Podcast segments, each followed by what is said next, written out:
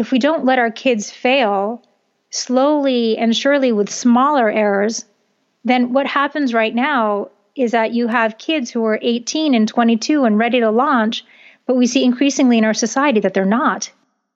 Your mind can be your most valuable asset or your biggest liability, and you get to choose. This is the Building Psychological Strength podcast, where we explore ways to build resilience build confidence, and make our minds work in our favor. We draw from the fields of psychology and life design to help us intentionally create a rock solid mindset upon which a vibrant life experience can be built. My name is April Seifert. I'm a psychologist, a life design strategist, and co founder of Peak Mind, the Center for Psychological Strength. Each week, I'll introduce you to an expert a concept, a technique, or a hands on practice that will help you build psychological strength in your own life. These are the tools to help you thrive.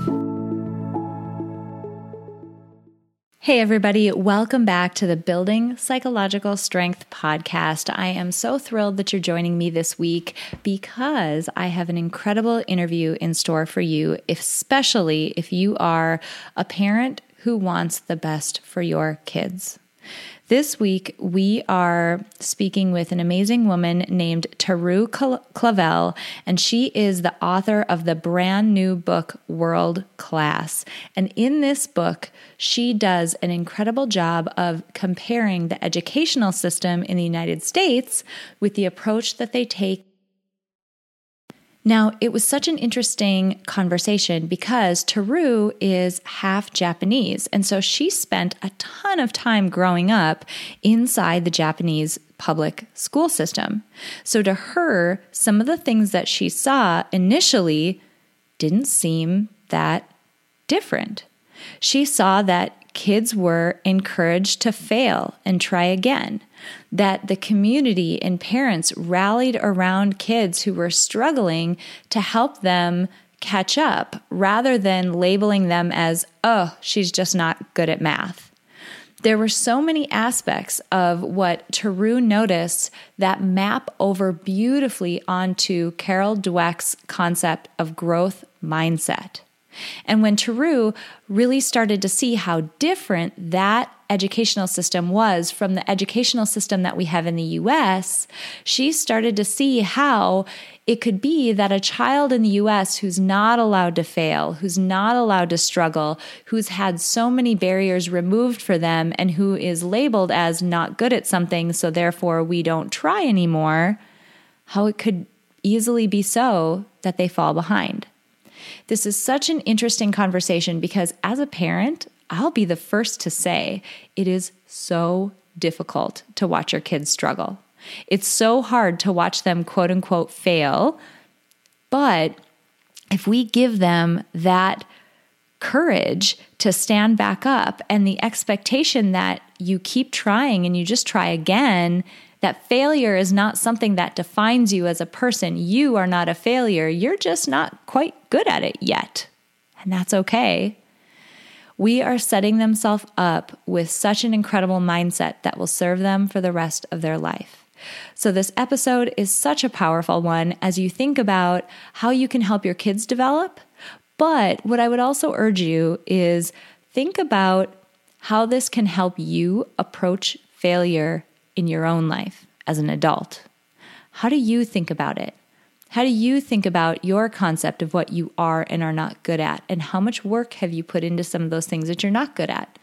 Especially some of the things that you're not good at that you really wish you were, that you think would be really fun to dive into. This is such a great interview and such a great conversation to help people cultivate that mindset, that growth mindset that Carol Dweck's work shows is so incredibly important. And I hope you enjoy this incredible interview with Teru Clavel.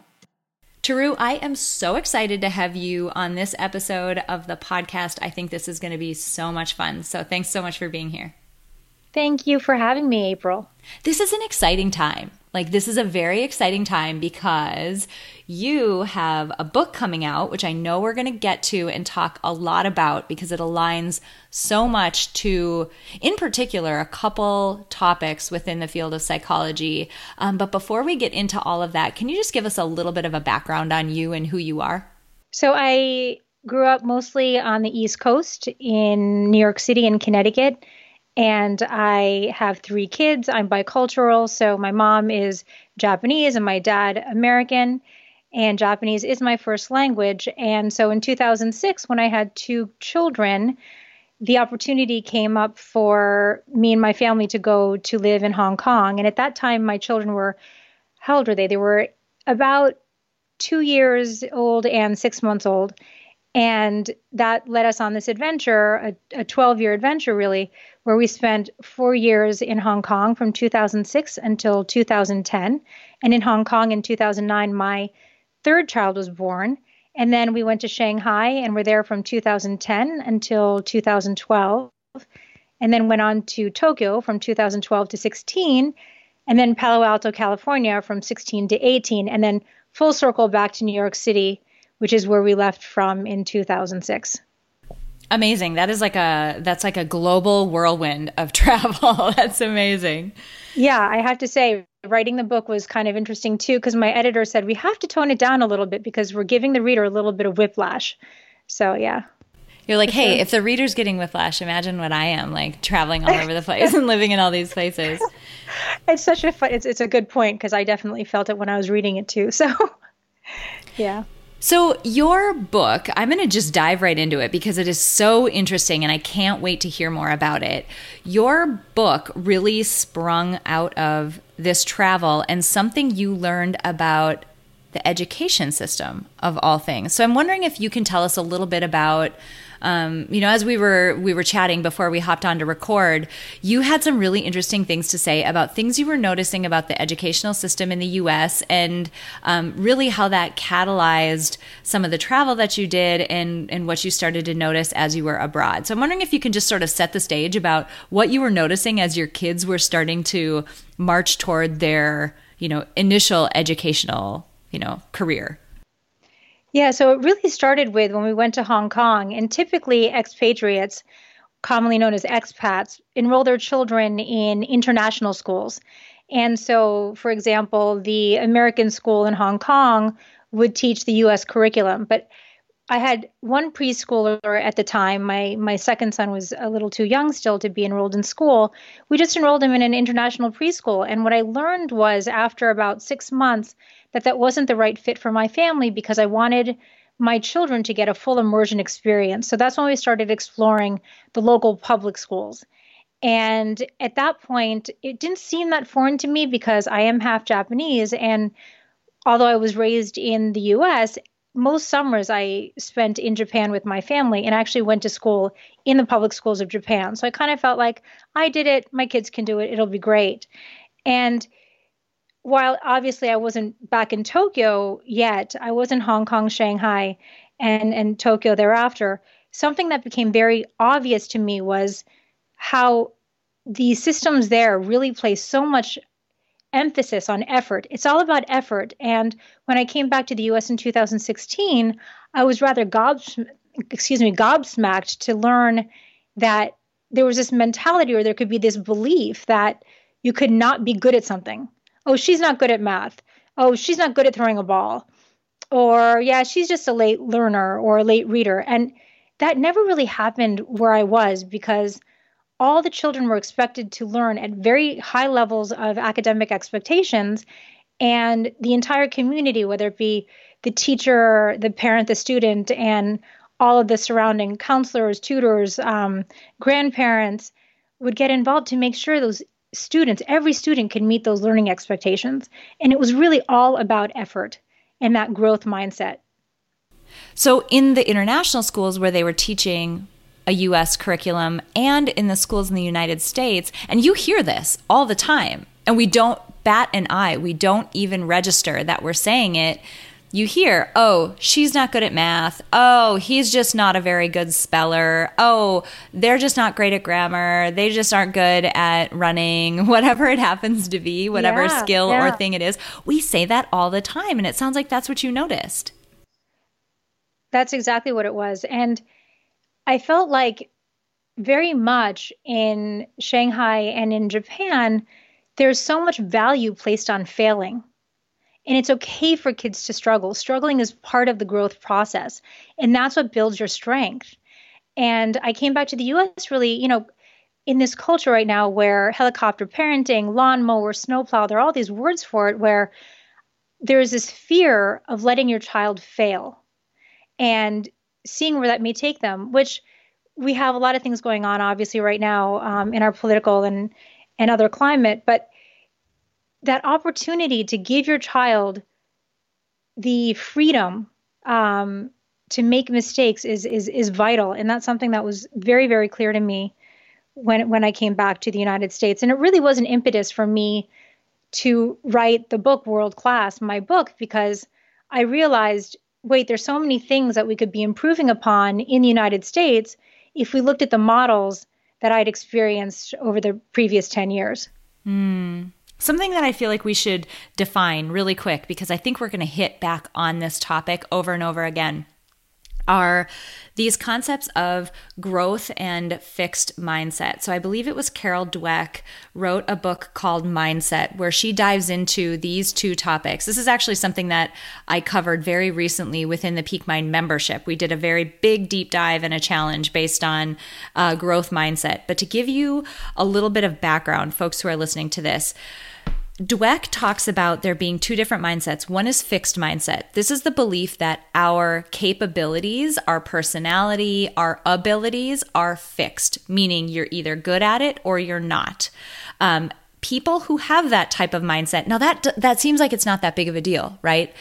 But people who have that type of mindset, failure which I think we'll probably unpack quite a bit in this episode as well, failure takes on a very specific role. Failure is diagnostic. Failure means, oh, this has revealed that I, as a person, am not good at this thing. So think about what that means in academics. If you fail, if you don't do well in something academic, it means you are not smart. And a fixed mindset person looks at that and says, This is not something that can be changed. This is something about me. So failure becomes not only diagnostic, but it becomes part of that person's identity because it proves that they as a person do not have that ability. Now, on the flip side, growth mindset looks at our abilities, our personality, these capabilities as something that can be developed over time with effort. So failure takes on a totally different notion for them because failure is looked at as something that says, oh, okay, I'm just not good at this yet. And the word yet is really important because it indicates there's still an opportunity here. I could get better. I could work on it and I could improve if that's an area that I want to improve in. So I wanted to highlight that because we're going down this interesting path of these two mindsets and what failure means. And it sounds like you saw that as you were sort of straddling the American culture and the Asian culture. Can you talk a little bit about what, maybe like an example of what quote unquote failure looked like in those two cultures? One of the best examples I can think of is I was actually an education journalist while I was in, in Tokyo, and I interviewed this remarkable architect, um, Tezuka, and he he designed this award-winning kindergarten called Fuji Kindergarten, and it's nicknamed the donut because it's literally like like kind of like a UFO, like a donut, and it's just one story, but the entire roof is like a playground, and they had kids running around it in circles, and they actually timed, um, or they or they measured how far the kids run. These preschoolers run on a on a daily basis, and they run three miles a day just on that roof and it's a it's a remarkable sculpture. But he was giving a lecture about child development and his philosophy because that's a huge part of how he developed the design of his of his award-winning preschool. And he said, he believes that children should break an arm now or they'll break their heads later. And that's a direct translation. And I have to tell you, there were a lot of uh, non Japanese members in the audience when he said that at a lecture. And I heard gasps. Goes, what do you mean? You can't you, you can't do that. You have to protect your child from falling in a playground or getting hurt or any of that. And there's so much truth to what he said because we want our children to be in a more protected environment so that there are people to look after them because real life consequences when you're an adult are much harder if you don't have that buildup of resilience that it takes to learn from your failures. So that's one example I love. And another kind of cute example is, and I'll go back to Dweck too. There's a, I'm going to kind of go back a little bit more actually there's a research um, there's a researcher a, a, phenomenal scholar i should call him named jim stigler who's at ucla and in the 80s he went and studied how math is taught in the japanese classroom and then he went back and looked at mindset and he worked with carol dweck to develop this whole notion of mindset so mindset isn't new it's just become more popular in our zeitgeist recently but he told this lovely story and it's about how when he went to go look at the classrooms in Japan, and in particular at this point, he he branched out further and he went not only to look at how math was taught, but then he went into the preschools, and there was a child who apparently put on his shoes on the wrong feet. So the right was on the left and the left was on the right. And the teacher saw it and just let the, the child run off. And Jim said to the student, Well, why didn't you fix that for him? And the teacher said, Well, the child isn't going to get hurt. And if the child falls, then the child's going to learn that the shoe is on the wrong foot, and that's how they're going to learn. Mm. And it's and it's just a great example of how if we don't let our kids fail slowly and surely with smaller errors, then what happens right now is that you have kids who are 18 and 22 and ready to launch, but we see increasingly in our society that they're not. Mm. And you know, there's higher anxiety and stress and depression, and that doesn't even take account take into account what's happening, you know, in technology and and uh, in our popular culture. So, I think the gift of failure really is is is a tremendous gift that we need to to maybe be a little more mindful of and impart to our children. I totally agree. And the analogy that I love using with so many psychological concept, concepts, but this is another great one is it's a muscle, right? Your ability yeah. to fail is a muscle. And if, I mean, imagine going to a gym and somebody gives you a weight that's five times heavier than what you can lift today. You're going to, I mean, you're not going to be able to do it. There's just sure. no possible way. You're going to quote unquote fail at lifting that weight. But if you had built up over time, that weight might be something that you can manage. And so as you're making these small you know, taking these small risks and either failing or learning, or sometimes you might succeed or whatever, but you're fumbling your way through it and kind of figuring it out. Not only do you get better at whatever the task is that you're trying to do, math or whatever, but you psychologically get better at framing that failure in your mind and seeing it for what it is. I'm not good yet. I haven't quite learned this yet. I can't quite do this yet but still seeing that your ability could be changed over time with effort. And that's not something that we do a very good job of in the US. We have a tough time with that in the US. I, I, I agree with that. I think the the the verbiage, right, that we say it's failure, if we could change that to just overcoming challenge, because that's what life is. It's it's how many challenges that you, you how many challenges you accept as challenges and overcome. Because if you're kind of i think grappling with or kind of coasting around this whole idea of failure it's it's really it's it's a really negative mentality very a lot of negative energy there. Um, something else occurred to me that i that i should say is i i know i don't want to make it sound like it's really easy as a parent to let your child fail i mean that's probably one of the, the hardest things, at least I struggle with. And in Japan, an example I have is my son when he was probably about seven years old. And in Japan, kids are very independent and on their own by the time they're six years old. So he was commuting to his after school activities on his own, uh, going to school back and forth on his own. And so he went to soccer practice. And it was actually a pretty significant bike ride for him to go to soccer practice and come back. And it was about seven at night. And he had a what's called a children's phone in, in Japan. They have little children's cell phones that have three phone numbers you can call out to and maybe seven that you can receive from. And they're very, very cute. And I get a call from him at seven, and I'm obviously concerned because he's not home yet. And he said, Mama, I had an accident. I fell on my bike and, and the chain is broken. Hmm. And he was at the like the bottom of a hill. It's a very, very steep hill. And I thought, oh no. So, you know, I get in my car and I go and I'm and I'm a little panicked because it's a very, very narrow street too that that has a lot of traffic. So I go, I can't find him, I can't find him. And I finally come home and and he was home. I said, What happened? He said, Well, I figured it out. I fixed the bike, I fixed the chain, I did this and I did that, and I got home and and that was amazing to me because to this day, he's 13 years old. He's obsessed with engineering. His favorite sport is mountain biking, and he gets all into how the gears work. And that couldn't have happened in an, in any better way, but it it did cause me panic, is what I'm trying to say. But it was it was is a true gift that uh, that it even happened, and he was safe. Oh my gosh, as a mom, I'm just like smiling from ear to ear hearing that because it is difficult to I'm I'm thinking of my own daughter and she's she's three and a half and she is a very physically embodied little girl. Mm-hmm. She has been climbing well before she could walk and now her sister's doing it. Just send me your good vibes. Oh my gosh. But they've been they both climb well before they could walk and Amazing. what's difficult is sitting on the playground and watching her do it because she's tiny. And yeah. at the time, especially, she was very tiny and she was doing this. And I could see other parents were completely on edge, but she would slip a little bit and she'd catch herself. And she never fell hard. Uh, there was always a little bit of slipping. She'd catch herself and she'd learn, or she'd adjust her feet and figure it out.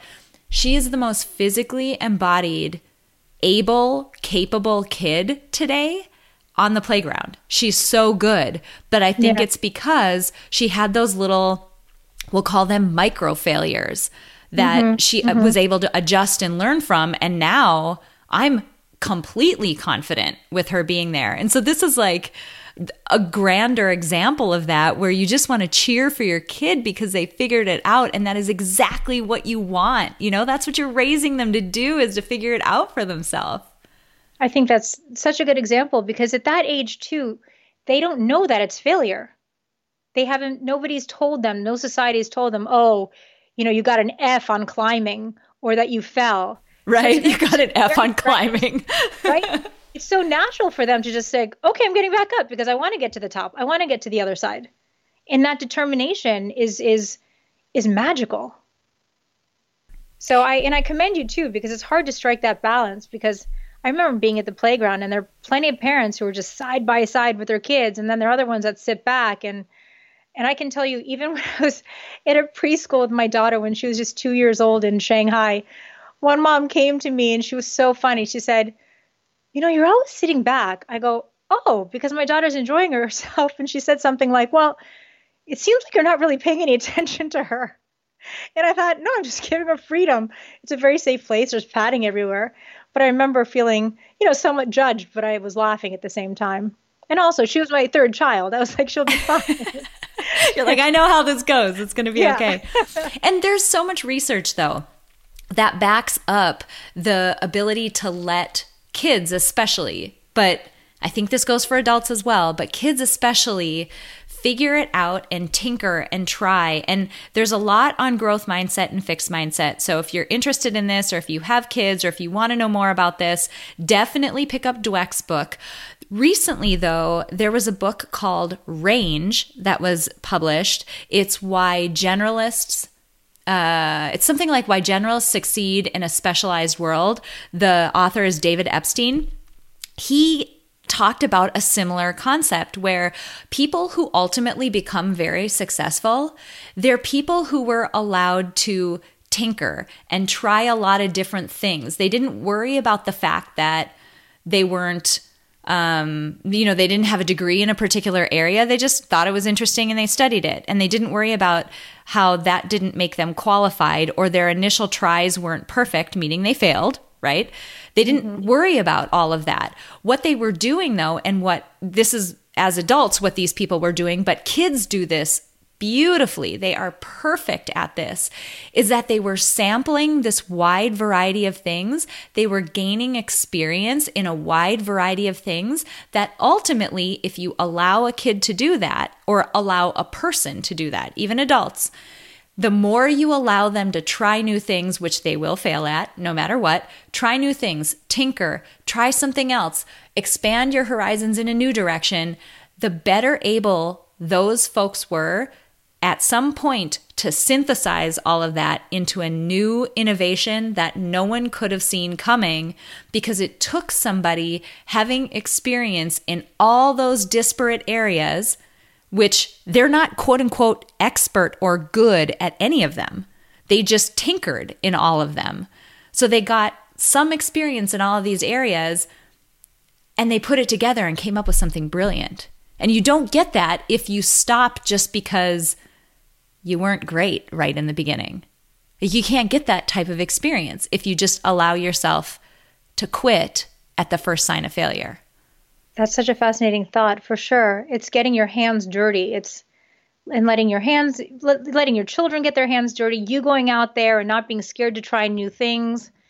Um, I think it's I mean, I feel like I certainly had to do that. I there wasn't I each of our trips, I should say, or not trips, our, our sojourns to these countries, I was definitely a gung ho person. Every single time it was, I can't wait to get to Hong Kong. I can't wait to get to Shanghai and Tokyo. But, you know, inevitably there's that excitement, that euphoria, that adrenaline rush when you first get to these places. And then you have this kind of, uh oh, the reality, that crash.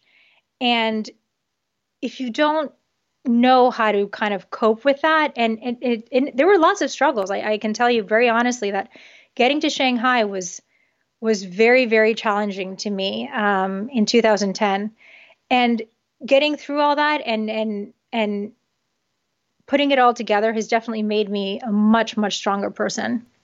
Mm, I totally can see that.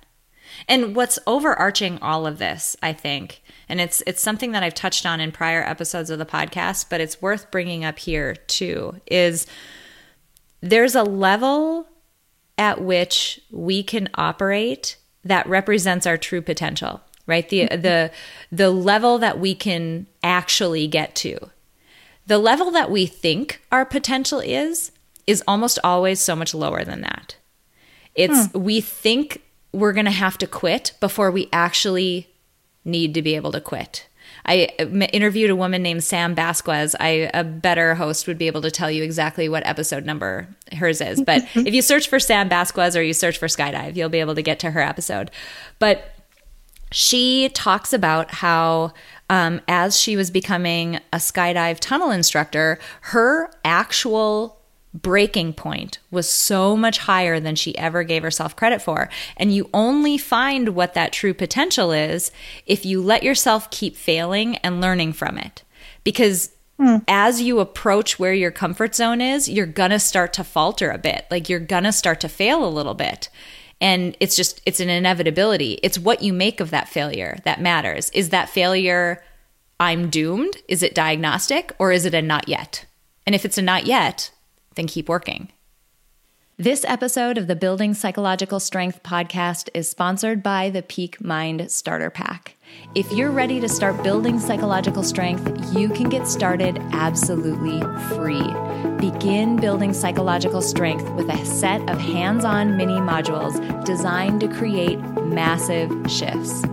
Inside the starter pack, you'll get access to three different modules. Module one is the self identity diagnostic, which will give you an insightful boost in self awareness. Module number two is Life Blueprinting, a powerful introduction to the field of life design. And Module 3 is a simple mindset hack that'll help you cut down on unnecessary anxiety, anger, and guilt. Once you're enrolled in the starter pack, you can go at your own pace. And we've made it absolutely free because we want as many people as possible to benefit from this work. Your mind can be your most valuable asset or your biggest liability, and you get to choose. What choice are you making? You have nothing to lose and mental toughness, resilience, and confidence to gain. Get started for free today by visiting www.peakmindpsychology.com and get enrolled in the Peak Mind Starter Pack.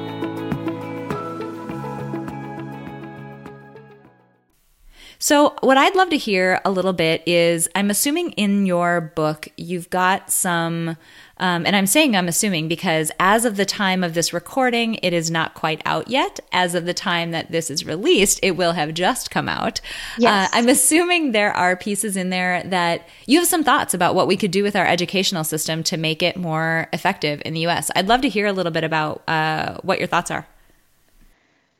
That is a huge question, and I'd love everybody to read my book to hear my thoughts on it.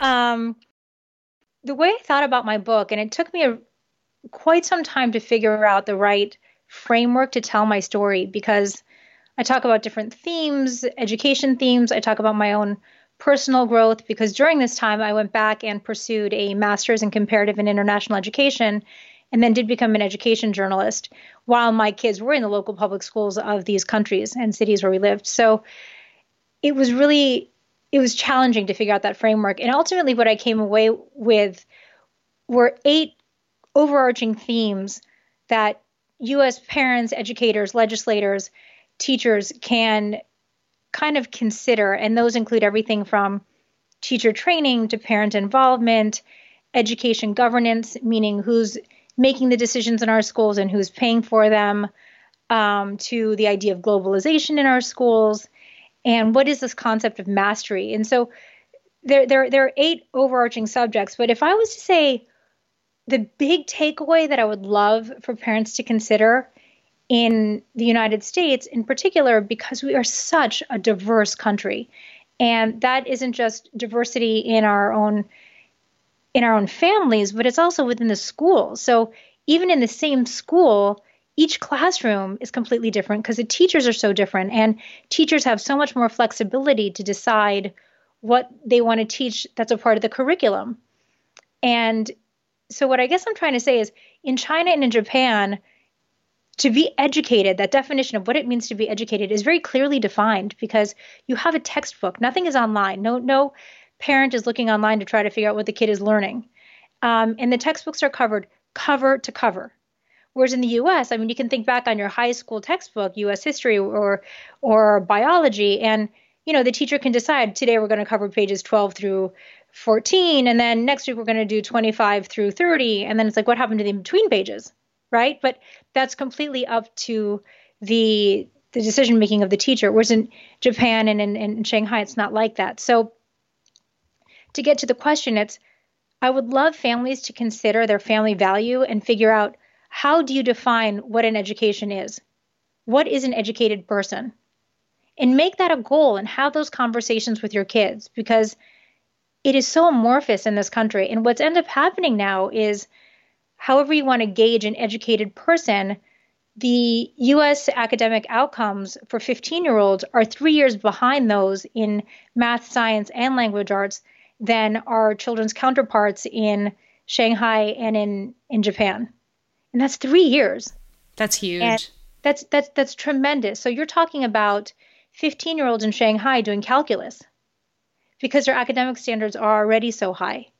And when so this is based on the OECD PISA scores, which is a the PISA test is, is, is an exam that's administered to 15 year olds all throughout the world. Um, in 70 plus countries and economies, and it's administered every three years. And how they define mastery is also interesting. It's not just knowing the content, it's not just knowing what three plus three is, it's knowing how to apply three plus three when you're going to the grocery store or mm. or when you're telling time or when you're driving your car. It's how to apply the learning. And that's actually mastery. And so I think right now it's it's we are so so diverse and and we're we're we're at a kind of a I don't even want to say kind of it's we're at a very we're at an inflection point in our in our history right now where we do have so much divergent thinking going on. So I would want to impart upon parents that they have these conversations with their with their children on what it means to be educated. Does it mean knowing all about art history, knowing how to paint, knowing how to kick a ball, Does it mean knowing how to bake? Does it mean knowing your math and science and your language arts? Does it mean knowing another language? Um, does it mean being good at karate or chess? What does it mean? And what does that idea of mastery mean? And how does the notion of failure kick in there? Because if you're telling your kids, just get straight A's, just get straight A's, and they're not, and you're not examining why and why that A is important and how that A is assessed and who's assessing it, then you're also doing your children a disservice. I think it's really about investigating and figuring out what your family prioritizes and practicing and modeling that in your home on a on a constant basis. That's huge. Time, yeah, you know, and it's it, when you're in the car with them, when you're walking down the street, when you're having family time, when you're putting up the schedules for the day, is there a question of the day? What are you t- what are you talking about? And how, you know, what are you doing when you spend your time with your kids? Because I'm actually very much against sitting with your kids to do their doing their homework. They have to do it. And I feel like you're showing them if you sit with them and, and you're doing your, their, their homework with them, what, what message are you sending them? That they can't do it on their own? Or or that you need to be there? Like where is your time best spent to support your kids? So these are all conversations that I would love families to be having.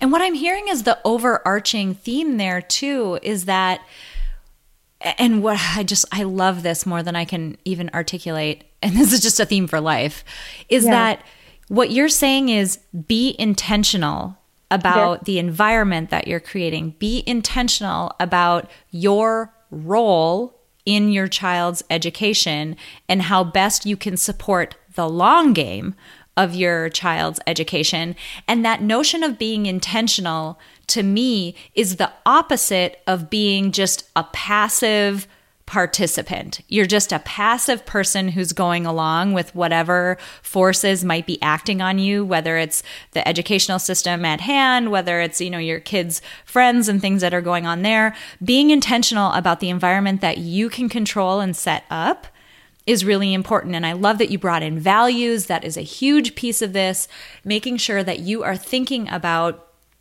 what that means, what it means to be educated within your family, and then intentionally setting up an environment that would support that. That across the board, I think people would be so much happier in their lives if they figured out what their values were and intentionally set up an environment to support them.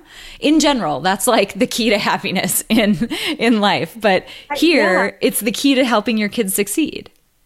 I think, you know, and that's and and helping your children succeed is also is is is is grounded in your community right? So who's a part of your community? The, the teachers your family your friends the crossing guards everybody everybody. And and understanding everybody else's values that influence your children's is also really important because i have found that often when you have a conflict with someone or you're not getting along or your energy doesn't jive it's usually because you have a difference in values. And if you can get to, to, the, to the core of that, I think that really will support not only yourself, but your family and, and children as well. I love it. I love it. Okay, so for people who want to know more about this, they want to read more in depth. Give us your full uh, book title. Where, what is it, and where can they find it? Oh, thank you. So my book is called World Class, and you can buy it on Amazon, Barnes and Noble, hopefully your independent booksellers, which we should be supporting as much as we can, as of August 20th. And there's going to be a media junket, and I would love for you to all follow me on social media Instagram, Twitter, Facebook, LinkedIn.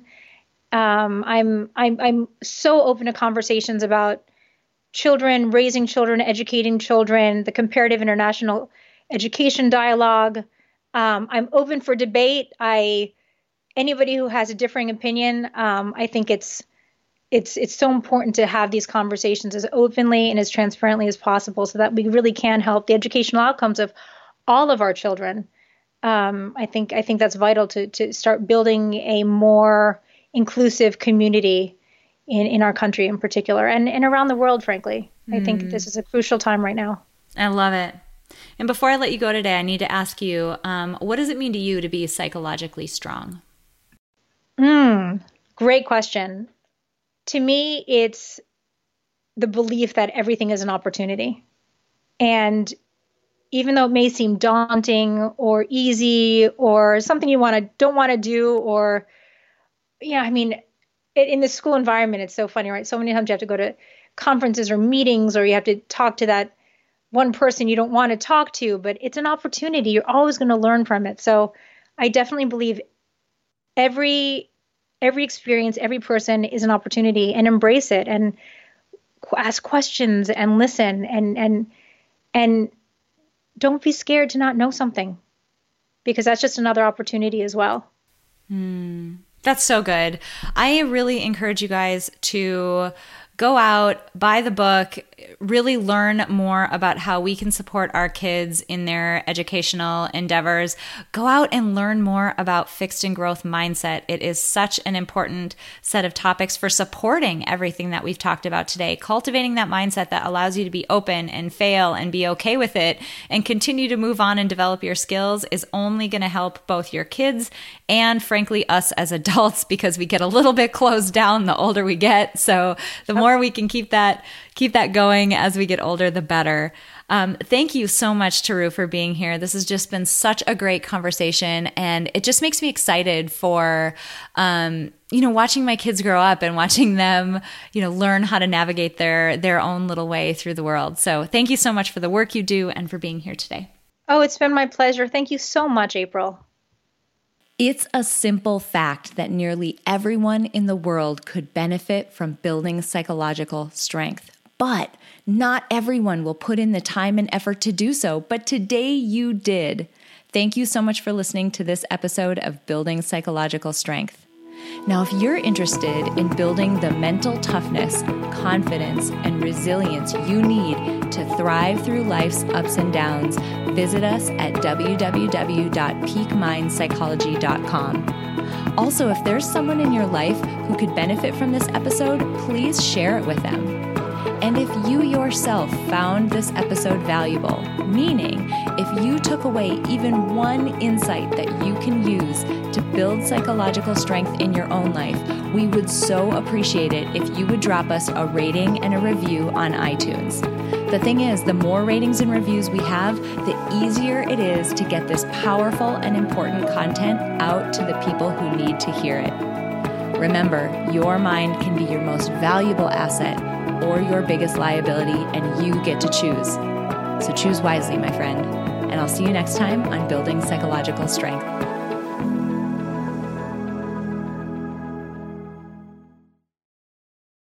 At Parker, our purpose is simple. We want to make the world a better place by working more efficiently, by using more sustainable practices, by developing better technologies. We keep moving forward. With each new idea, innovation, and partnership, we're one step closer to fulfilling our purpose every single day. To find out more, visit parker.com/purpose. Parker, engineering your success. As humans, we're naturally driven by the search for better. But when it comes to hiring, the best way to search for a candidate isn't to search at all. Don't search, match with Indeed. When I was looking to hire someone, it was so slow and overwhelming. I wish I had used Indeed. If you need to hire, you need Indeed. Indeed is your matching and hiring platform with over 350 million global monthly visitors, according to Indeed data, and a matching engine that helps you find quality candidates fast. Ditch the busy work. Use Indeed for scheduling, screening, and messaging so you can connect with candidates faster. And Indeed doesn't just help you hire faster. 93% of employers agree Indeed delivers the highest quality matches compared to other job sites, according to a recent Indeed survey. And listeners of this show will get a $75 sponsored job credit to get your jobs more visibility at Indeed.com slash podcast. That's Indeed.com slash podcast. Terms and conditions apply.